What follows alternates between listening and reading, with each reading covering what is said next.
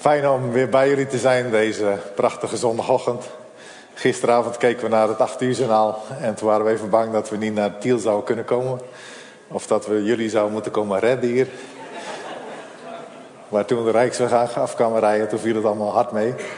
Dus uh, extra blij dat we vanochtend bij jullie kunnen zijn. Ik ben hier met Danielle, mijn vrouw. Uh, al 26 jaar. Mijn geliefde vrouw. Uh, we hebben vier kinderen. Die zijn allemaal in de christengemeente in Hardingsveld, Giesendam. Um, zoals al gezegd wordt, werd, wij komen uit Brazilië, wij wonen daar inmiddels al uh, 18 jaar. En de laatste, even kijken maar wat te rekenen, de laatste 12 jaar wonen we in uh, Ritapolis, een klein dorpje. Um, waar Piet en Johanna Hagen, die sommigen van jullie of veel van jullie ook nog kennen, een werk hebben gestart. Um, wat wij hebben overgenomen in uh, 2011. Toen we daarmee bezig waren, toen gingen we daar verschillende keren naar het dorp toe. En toen kwamen we twee jongens tegen, die heten Stelma. En uh, nadat we hen ontmoet hadden, zijn we nog een heleboel Stelma's tegengekomen. Dat, dat houdt niet op. Maar dat geeft niet, want dat zijn goede mensen.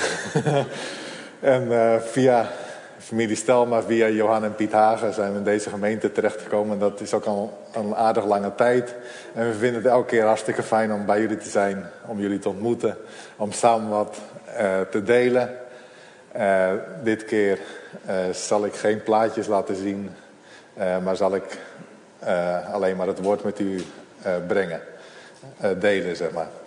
En daarvoor wil ik vragen of jullie de Bijbel willen openen in Nehemia. En dan hoofdstuk 2, vers 18.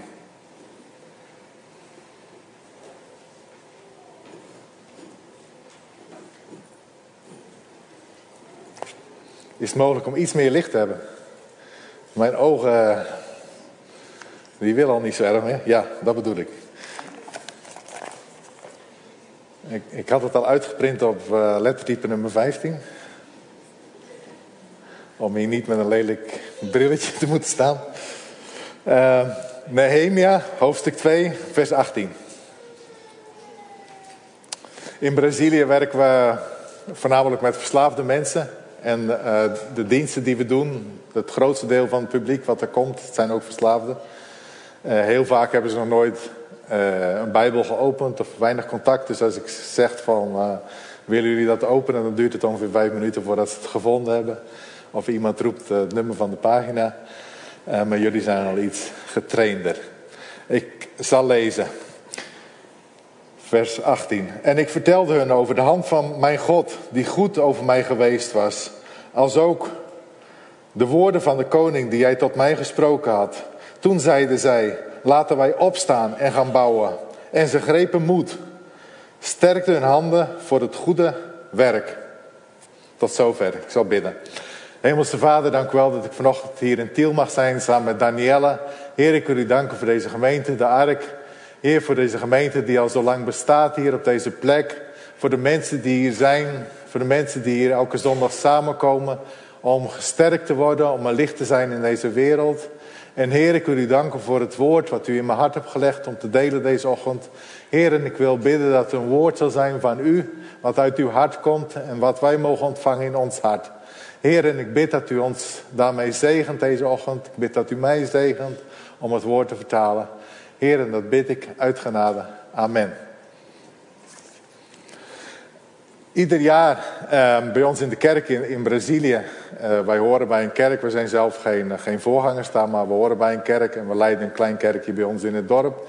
Dan is er een thema van het jaar en onze voorganger uh, die bidt er dan ook voor van wat het nieuwe thema voor het nieuwe jaar moet zijn. En elk jaar op oudejaarsavond dan komt de kerk samen. Dan gaat, begint de dienst om negen uur s avonds. En om twaalf uur wordt het thema voor het nieuwe jaar ontplooid, tevoorschijn getoverd op de beamer. En dan wordt er gebeden met elkaar voor het nieuwe jaar. Ik moet eerlijk zeggen, onze familie is nog steeds niet gewend aan om in de kerk het nieuwe jaar in te gaan. Wij hebben de gewoonte, cultuur om dat met familie te doen, met oliebollen, met leuke dingen, met spelletjes en zo. Onze kinderen die waren ook niet altijd even grote fan van. Maar aan de andere kant is het wel mooi om biddend het nieuwe jaar in te gaan. En ook uh, een, een, thema te hebben voor het nieuwe jaar. En afgelopen jaar, dus niet dit jaar, maar een jaar geleden was het thema voor de kerk. Laten we iets nieuws gaan beleven. Dus laten we uitzien naar iets nieuws in ons leven, in onze gemeente of in onze gemeenschap of in ons, ons land of in onze buurt. En zelf gingen we ook een beetje uh, met dat thema bezig, ik en Danielle. Um, en daar kwamen wat dingen uit, ook voor ons werk, wat we met Aqua Viva aan het doen waren. Uh, zijn we bezig gegaan over waar mogen we ons naar gaan uitstrekken, wat moet er gebeuren Waar zijn we goed in? Waar zijn we niet goed in? Wat gaat wel goed? En waar moeten we ons op gaan richten? En wat is er voor nieuws? Uh, wat er voor ons voorbestemd is. Want we geloven in een levende God. We geloven in een God, in een scheppende God. En we geloven in een God die altijd nieuwe dingen wil brengen. Heel vaak in de Bijbel staat er, zie ik maak iets nieuws. Of uh, er komt iets aan. Je ziet het nog niet, maar het komt eraan. En we mogen ons altijd uitstrekken naar, naar iets nieuws. En we deden dat zelf dan ook als gezin. En uh, op een wonderlijke manier uh, bracht God een, een oude droom, een oude wens. Iets wat hij al een tijd geleden in ons hart had gelegd. Bracht hij weer naar boven met, met heel veel kracht. En dat was de wens om één of twee kinderen te adopteren uit Brazilië. In 2005 waren we er al mee bezig geweest. En dat kwam opnieuw boven en we meenden, we dachten, we denken dat daar de tijd voor was. Maar het is een groot, een groot ding met grote impact op ons eigen leven, met een grote impact op ons eigen gezin, eh, op ons toekomstplaatje. Dus het was wel iets, iets nieuws waar we flink mee aan de slag moesten. En ook voor Agua Viva, voor het werk wat we doen met verslaafden. Eh, gingen we nadenken over grote projecten. Een van de grote projecten was uh, het nieuwbouwen, het herbouwen van uh, veel dingen die, die nodig zijn. Het Centrum voor Verslavingszorg, het Centrum voor Vrouwen, het kantoor. Alles wordt wat slecht. En we begonnen na te denken om, om dat opnieuw te bouwen. Dus twee hele grote projecten die eigenlijk op ons bordje liggen.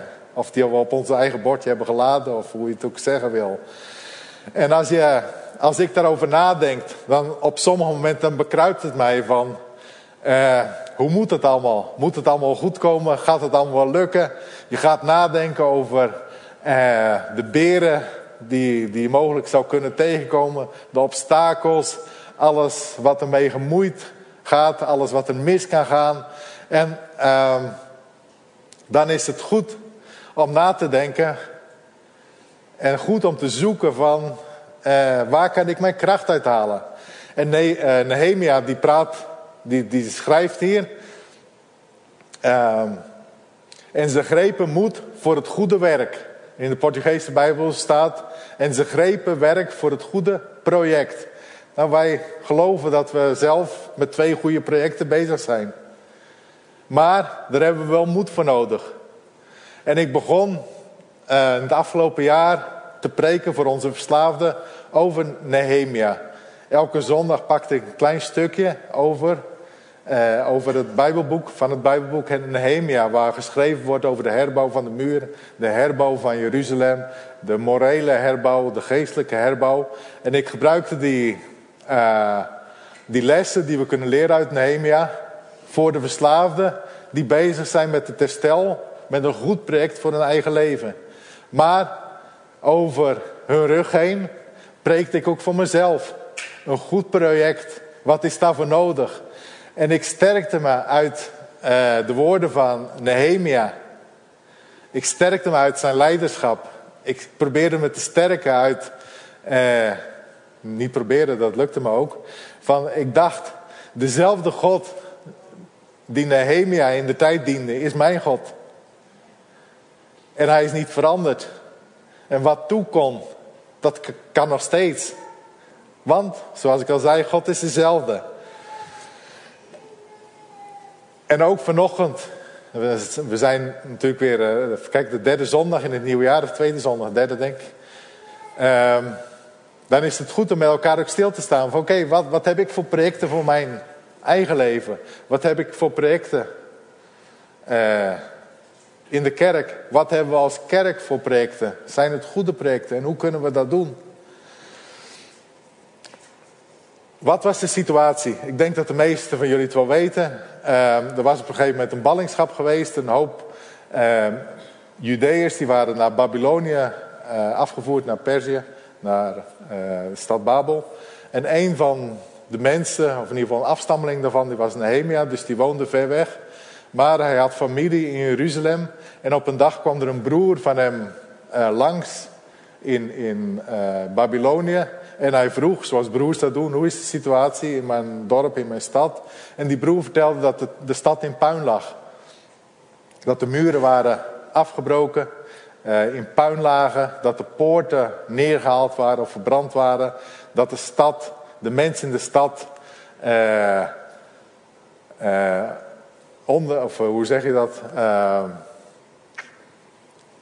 een object waren van smaad, van spot, van vernedering. En Nehemia die werd daar uh, verdrietig van, die werd daar triest van. We zullen dat straks nog even lezen. En uh, hij vraagt aan de koning, waar hij werkt als, uh, als wijndeskundige, om naar Jeruzalem te gaan om de muren te herbouwen. Nou, dat doet hij.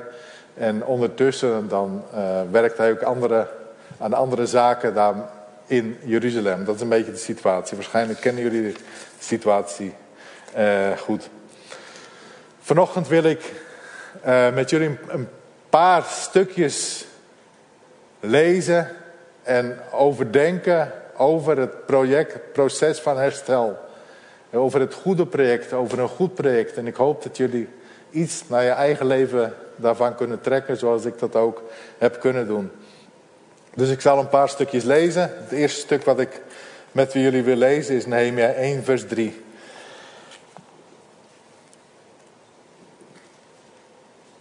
Hij is uh, op dit moment al. Uh, even kijken hoor. Op dit moment is hij uh, met zijn broer aan het praten, zeg maar, van over de situatie in de stad. Dus nog helemaal aan het begin. Het is hoofdstuk 1, dus het is logisch dat het aan het begin is. Hè?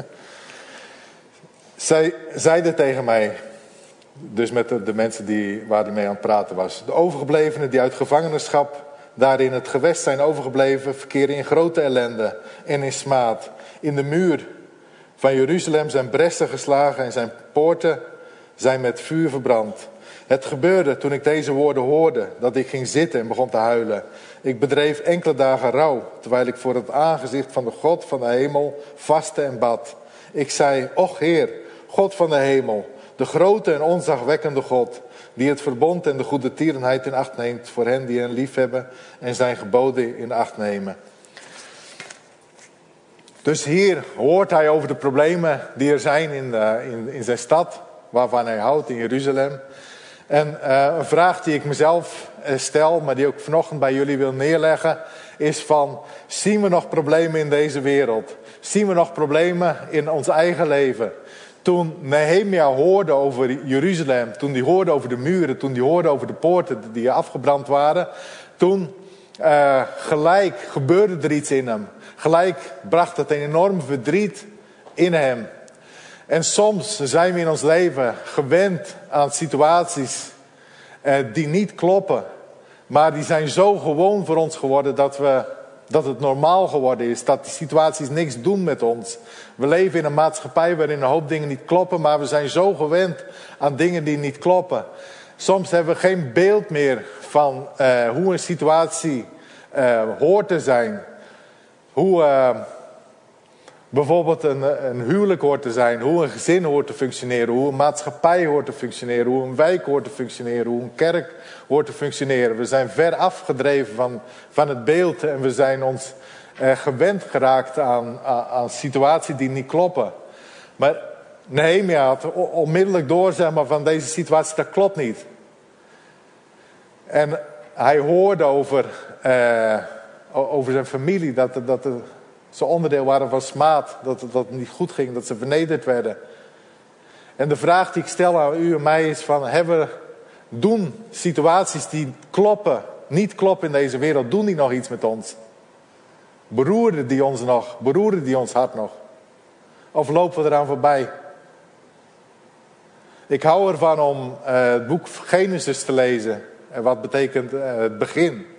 En als we Genesis lezen, dan zien we hoe God de dingen bedoeld heeft. Hoe God de schepping bedoeld eh, heeft. Hoe God de relaties bedoeld heeft. Hoe God uh, bedoeld heeft dat we met Hem omgaan. Hoe we met, met de natuur, met onze omgeving omgaan.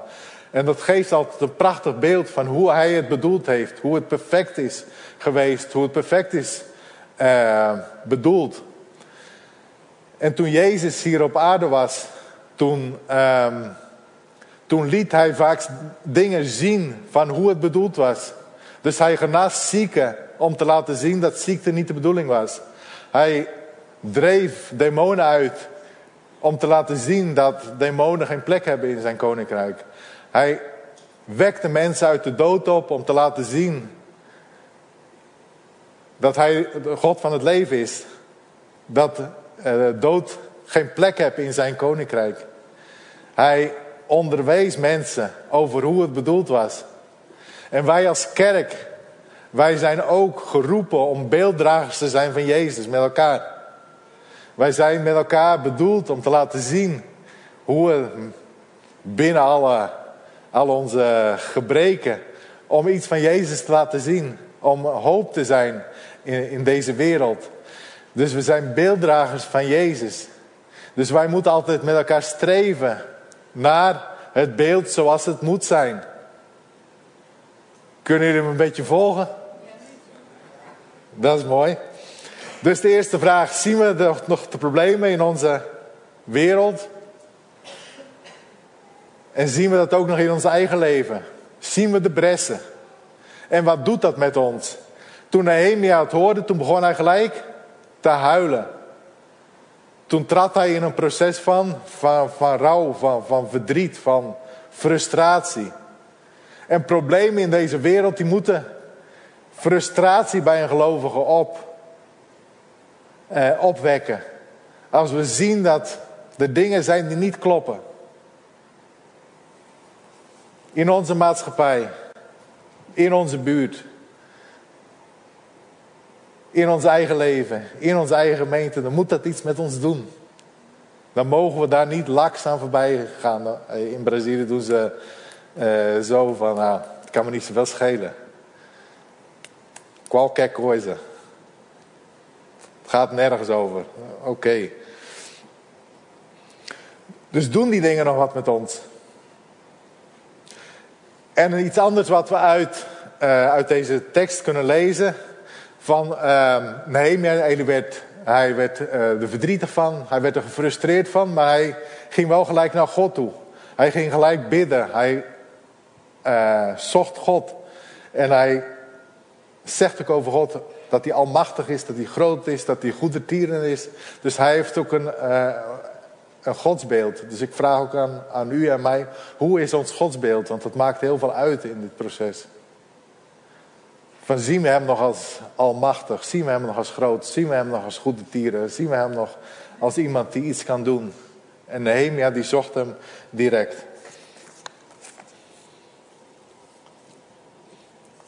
Ik maak een sprongetje naar het tweede hoofdstuk. Waar hij uh, op een dag met de koning gaat praten. De koning ziet dat hij verdrietig is, dat hij gefrustreerd is. En die vraagt wat is er aan de hand. En dan... Uh, uh, vraagt de koning, wat kan ik doen? En dan vertelt hij dat hij een, een creditcard nodig heeft voor de bouwmarkt. En een tijdje vrij om, uh, om naar Jeruzalem te gaan om de muur te herbouwen. En dat krijgt hij allemaal en hij krijgt nog meer.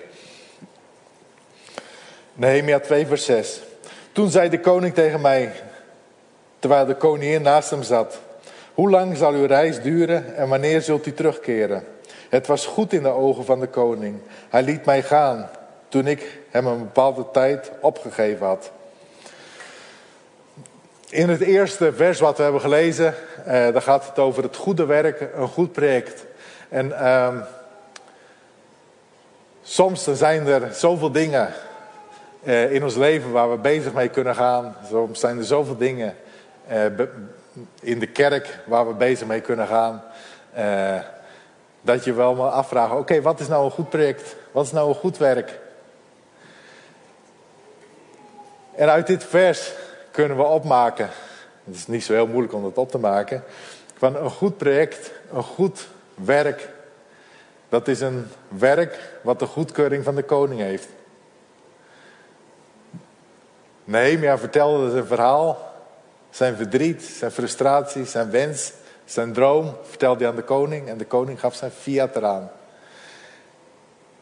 En als de koning, de koning met hoofdletter K, zijn fiat ergens aan geeft, dan weten we dat het een goed project is.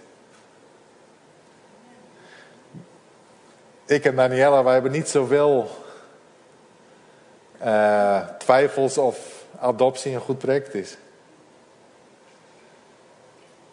Er staat ergens in de Bijbel, de ware godsdienst is zorgen voor weduwen en wezen. Nou, dan mogen we weten van dat is een goed project. Je moet natuurlijk afvragen, oké, is dat voor ons? Dat is niet voor iedereen. Dat moet niet iedereen per se willen, maar twijfelen of het een goed project is dat? Dat hoeven niet, want de koning heeft al opgeschreven van dat is een goed project. Dus dat moeten we ons steeds afvragen. Geeft de koning er zijn uh, goedkeuring aan? Een goed project, dat is goed voor zijn koninkrijk. Dat bouwt iets op aan zijn koninkrijk. Dat versterkt zijn koninkrijk. Die koning had ook door van het is niet goed dat, die, dat Jeruzalem in puin ligt. Het was niet alleen een ding van, uh, van Nehemia, maar het was ook een ding van het koninkrijk. Dus hij gaf zijn goedkeuring eraan. Hij zei, mag gaan. Dus dat is het tweede uh, kenmerk. Het is goed voor het koninkrijk. En als ik over koninkrijk praat, dan praat ik over koninkrijk met een hoofdletter K. Een goed project is wat de waarde van het koninkrijk versterkt. Dus wat, wat laat zien, wat is er in dit koninkrijk belangrijk.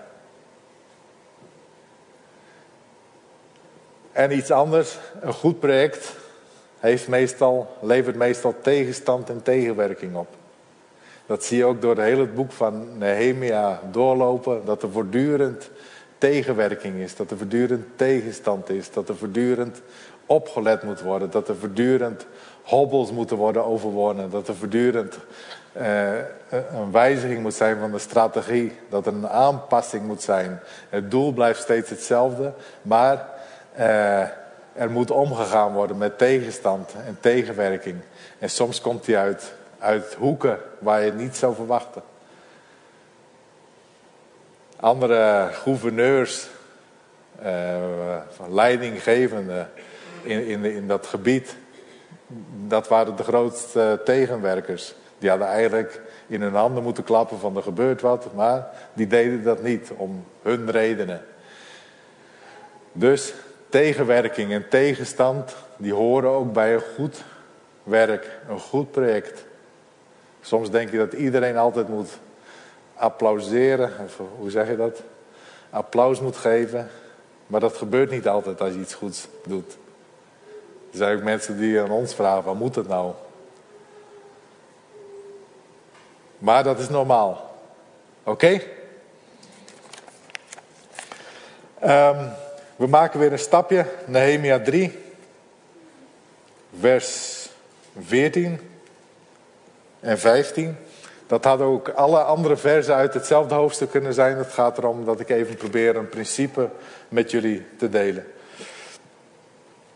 Daar staat, um, hier zijn ze inmiddels al aan het bouwen, uh, de muur aan het herbouwen, oké? Uh, de mestpoort herstelde Malchia, de zoon van Regab, hoofd van het district Bet Gerem. Hij herbouwde hem en plaatste zijn deuren met de sluitbalken ervan en zijn grendels. De bronpoort herstelde Salem, de zoon van Kol Haze, hoofd van het district Maspa. Hij herbouwde hem, overdekte hem en plaatste zijn muren met zijn stuitbalken en zijn grendels. Ook herstelde hij de muur van de vijver van Siloam bij de tuin van de koning, tot aan de trappen die afdalen vanuit de stad van David. Um, waarom lees ik dit stukje? Aan het begin uh, stelde ik een vraag aan u van, uh, zie je nog wat er mis is in de maatschappij? Zie je nog wat er mis is in de buurt? Zie je nog wat er mis is, wat er ontbreekt in de gemeente? Zie je dat nog? Zie je nog waar de bressen zijn? Zie je nog waar, waar de dingen afwijken van het beeld zoals God het bedoeld heeft voor, voor de dingen? Voor een huwelijk, voor een gezin, voor een samenleving, voor, voor een gemeente, voor wat dan ook. Maar soms is het probleem dat we het niet zien, maar soms is het probleem dat we te veel zien. En soms is het probleem dat we te veel dingen willen doen. Als wij, eh, toen wij eh, in 2005 in, Brazilië aankwamen met heel veel energie, met heel veel ideeën, eh, net uitgezonden als zendingsechtpaar, toen hadden we ergens in ons achterhoofd het idee, wij gaan Brazilië veranderen. En misschien dat we Brazilië een heel klein beetje hebben veranderd, maar we zagen zoveel dingen en we zien nog steeds zoveel dingen die niet kloppen in in de maatschappij. Dat gaat van de politiek tot, tot de scholen, tot eh, woningen, tot riool, tot eh, kerken, tot huwelijken, tot noem maar op. Alles. Aan alles ontbreekt wel wat. Aan alles mist wel wat. Heel veel dingen staan zo ver af van zoals God het bedoeld heeft. En soms kan je dan gefrustreerd raken van, we kunnen zo weinig doen. We hebben zo weinig macht om iets te doen. Dat je bijna zegt van, we doen maar niks, want het maakt toch niet uit. Of dat je vandaag hier iets wil doen en morgen daar iets wil doen en dan een andere dag weer daar een probleem zit waar je weer in wil schieten, waar je weer in wil springen. En dat je uiteindelijk niks doet. Of bijna niks. En wat ik zelf aardig vind aan het stukje wat we net gelezen hebben, wat, wat je misschien ervan denkt, waar slaat het op? Uh, wat moet ik weten over de mestpoort? Nou, moet je over weten dat Malchia die herstelde. Maar wat interessant is uit het stukje wat ik gelezen heb, is dat iedereen werd verantwoordelijk gemaakt voor een klein stukje van de muur. Dus Nehemia die had die, heel die stad had hij geïnspecteerd en op de ene manier had hij die opgedeeld in stukjes.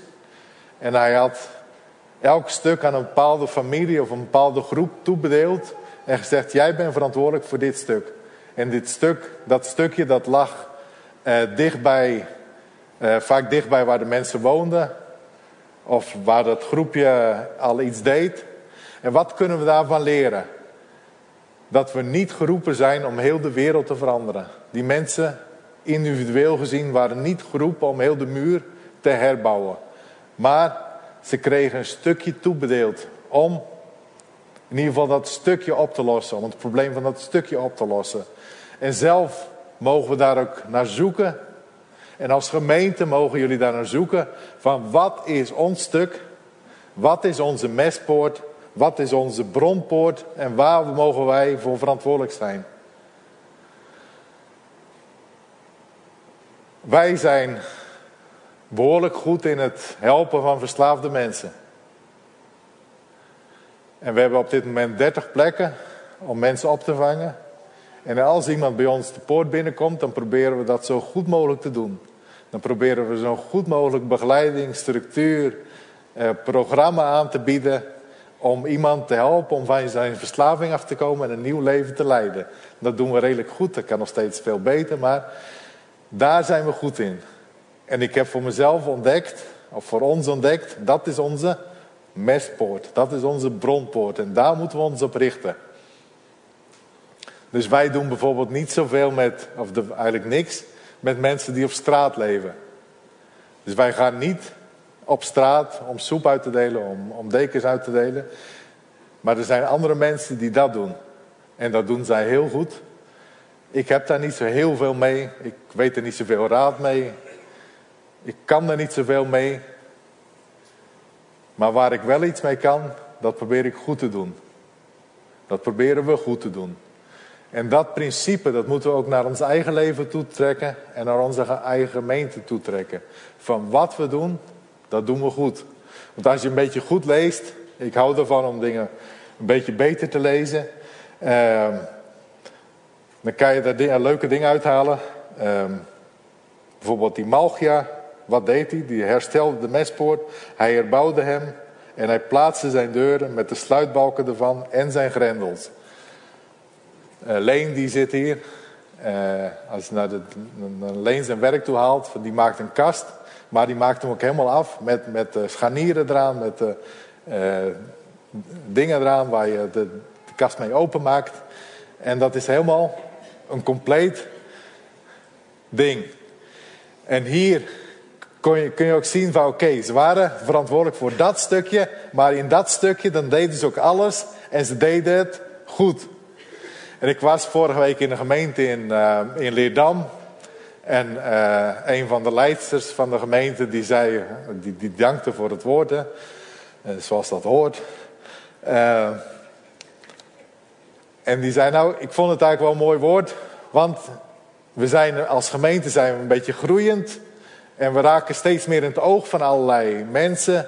En er kwam een andere gemeente die vroeg: kunnen jullie de nazorg doen voor de preesband? En er kwam iemand uit de wijk die vroeg: kunnen jullie dat doen? En er kwam iemand anders die, die vroeg: kunnen jullie daar hier niet mee helpen? En ze zei: ja, we moeten goed voor onszelf opmaken van oké, wat is nou onze rol als gemeente? Waar zijn we voor geroepen? Wat is nou ons stukje in onze samenleving, in het grote geheel, waarvoor wij voor verantwoordelijk zijn en wat we goed mogen doen? Want als we onze aandacht gaan verdelen over allerlei dingen, dan doen we uiteindelijk niks. Dan hollen we achter onze eigen staart misschien aan. Dus dat moeten we niet doen. En dat is altijd een gevaar. Maar we moeten dus voor ons eigen leven en voor ons als gemeente en misschien een andere zin opmaken. Oké, waar ben ik voor geroepen? Wat mogen we doen? En datgene wat we mogen doen, dat gaan we heel goed doen. Zodat het een verschil maakt. Zodat het iets oplost. Zodat het uh, iets afstraalt van het koninkrijk van God. Dat mensen naar kijken van oké, dat is mooi. Wij waren pas geleden blij. We wonen al, hoe lang wonen we in het dorp? Ik had het al een keer gezegd, 12 jaar, 13 jaar. En uh, we wonen in het platteland.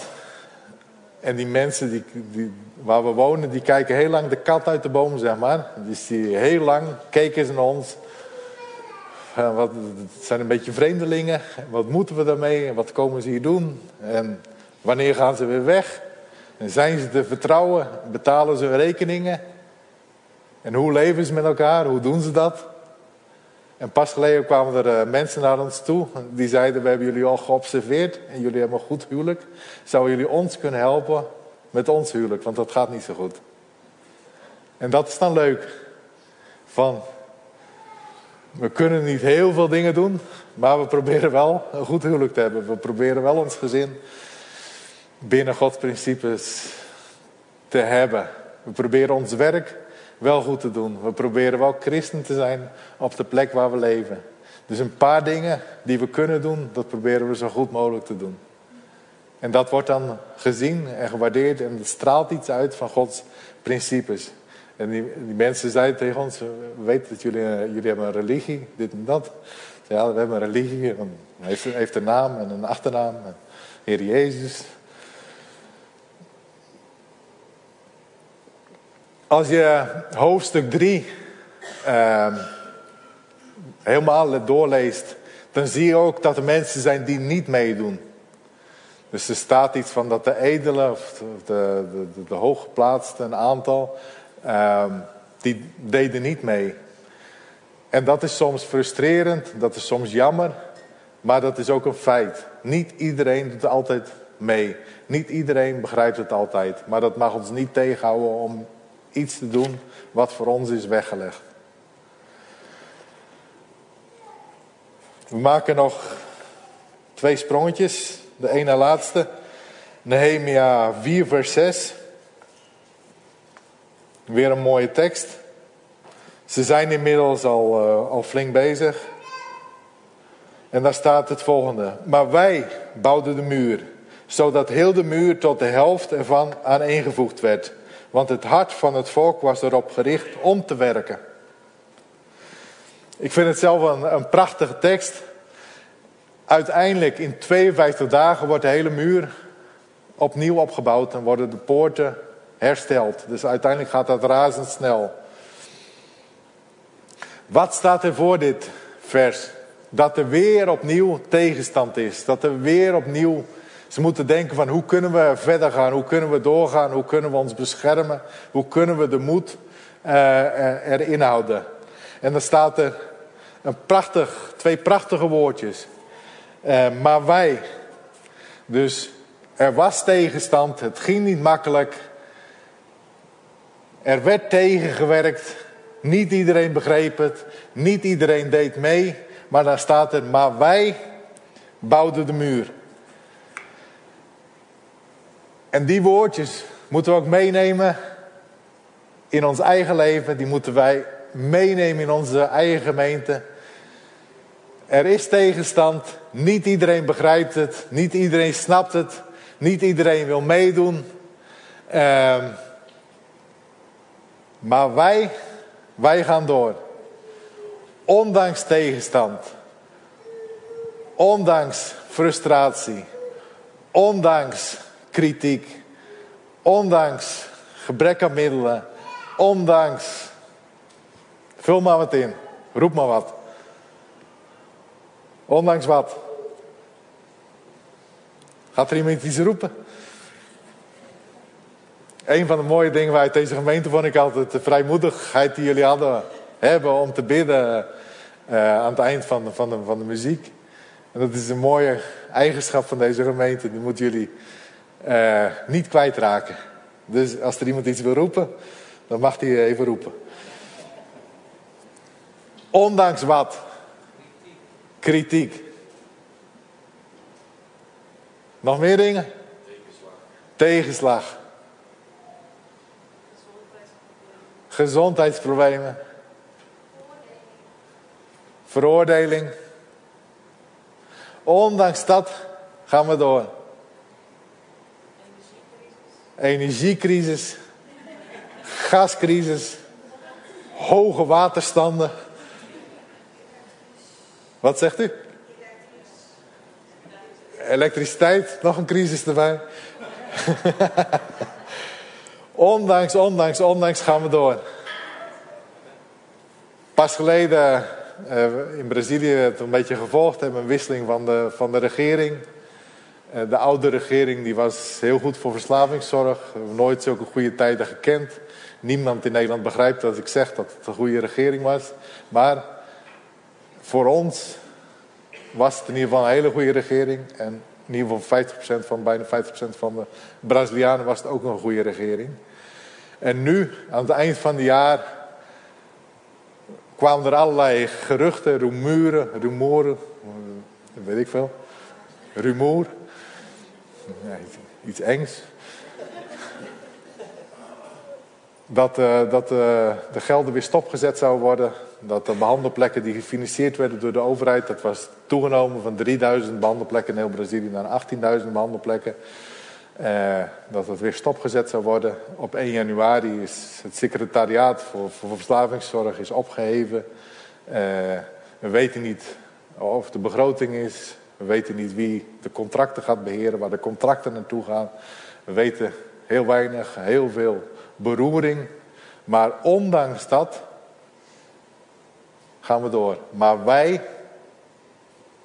bouwden de muren. Wij, bouwden aan de wij bouwen aan de opbouw van mensen. Ondanks dat, maar wij als gemeente, de Argentiel, wat doen we? Wat doen jullie? Doorgaan. Oké? Dus houd dat woord vast. Maar wij. En dat maar, dat slaat op de situatie die moeilijk was. En dat wij, dat slaat op. Zegt eens iets harder? Ja. En dat wij, dat is soms een beetje moeilijk in Nederland. Want iedereen heeft een eigen mening. Iedereen heeft een eigen visie. Iedereen wil een eigen kant op. Waarom had Nehemia succes? Omdat hij leiderschap had. Hij had de leiding gekregen, hij had de leiding genomen. En die leiding werd ook geaccepteerd. En dat vinden Nederlanders een beetje moeilijk, of niet? Ik zeg wel eens, ik zou in Nederland geen leider van een kerk willen zijn. Ik zou in Nederland geen, nooit in de politiek gaan. Want er zijn zoveel meningen, zoveel dingen waar je mee moet dealen. Je kan het niet goed doen. Of wel? Misschien moeten we een applaus geven voor onze leiders.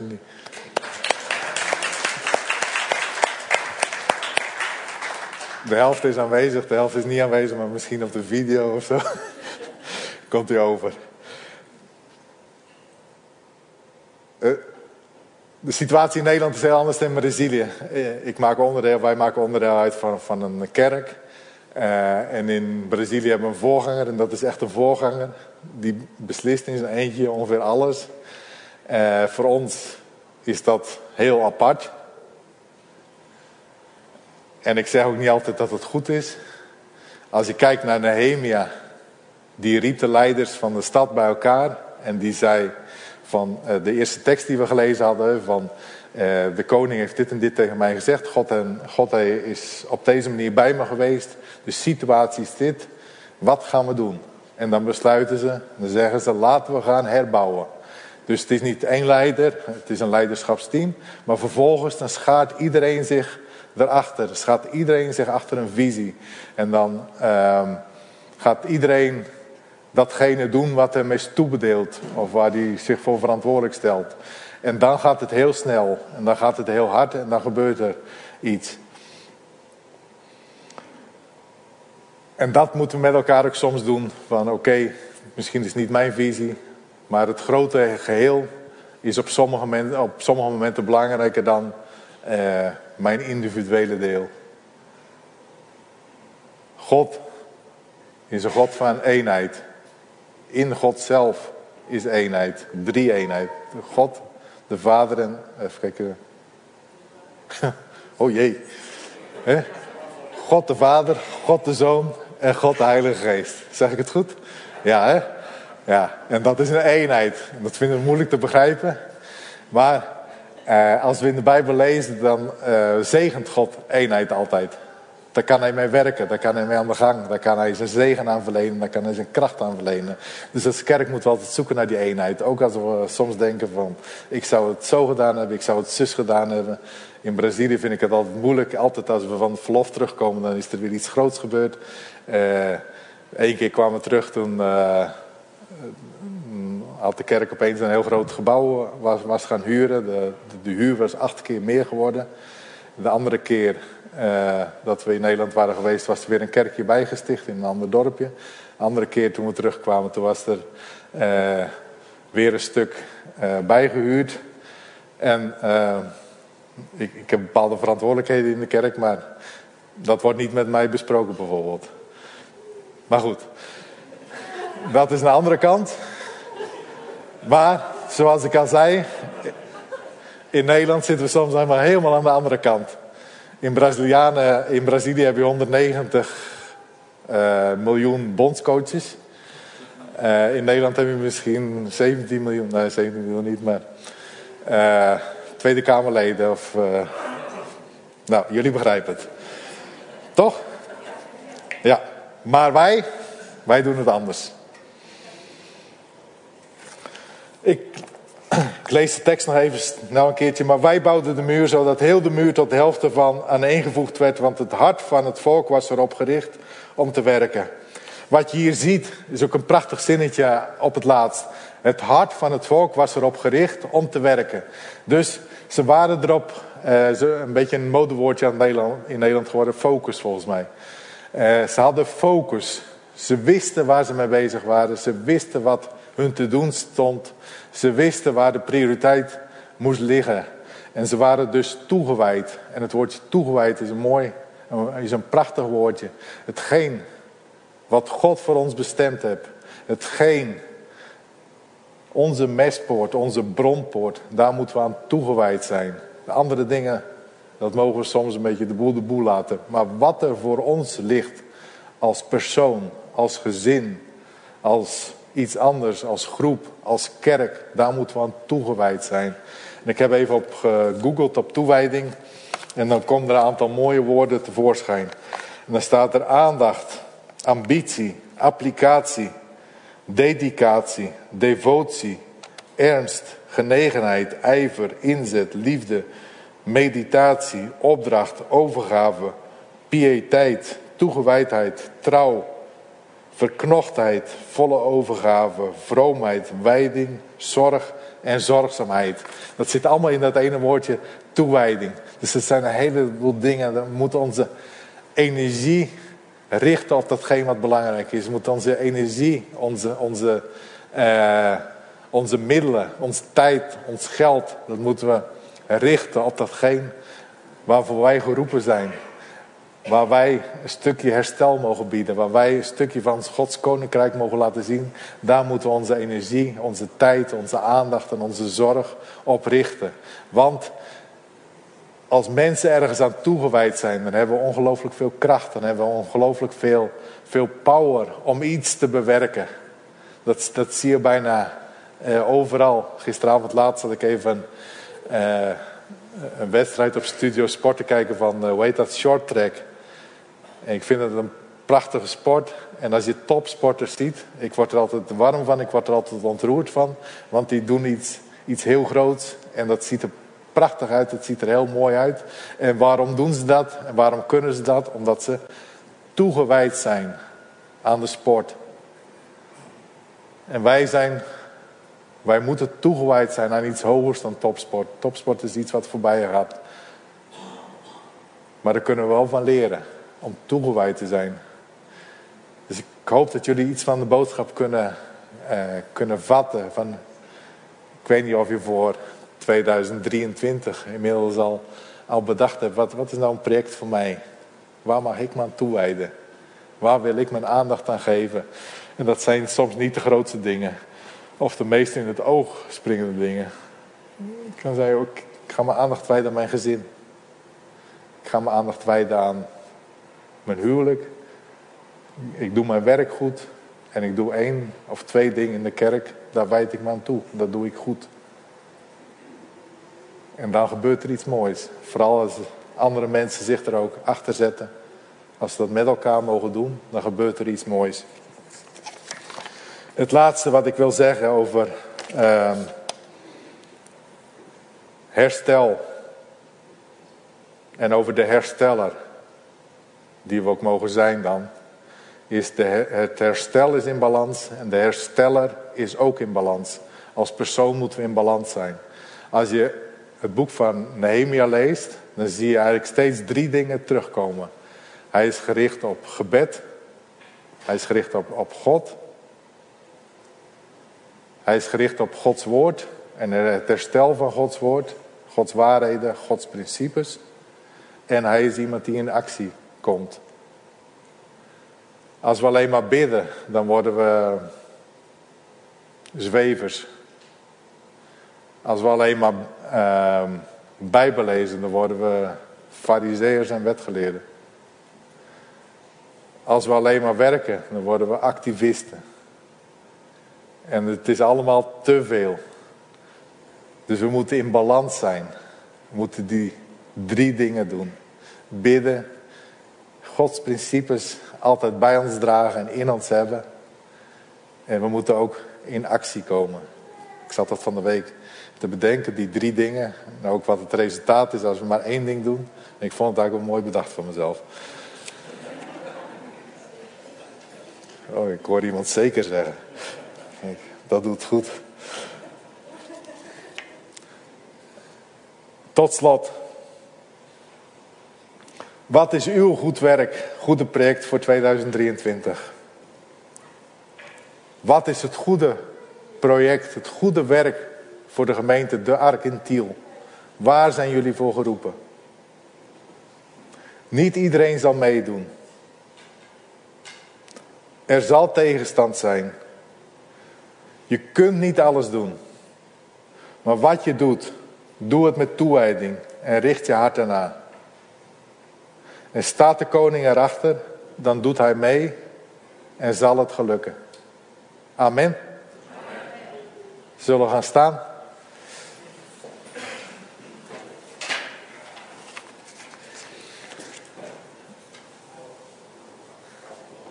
Ik denk dat jij iets later mag komen. Ja. We zullen bidden met elkaar.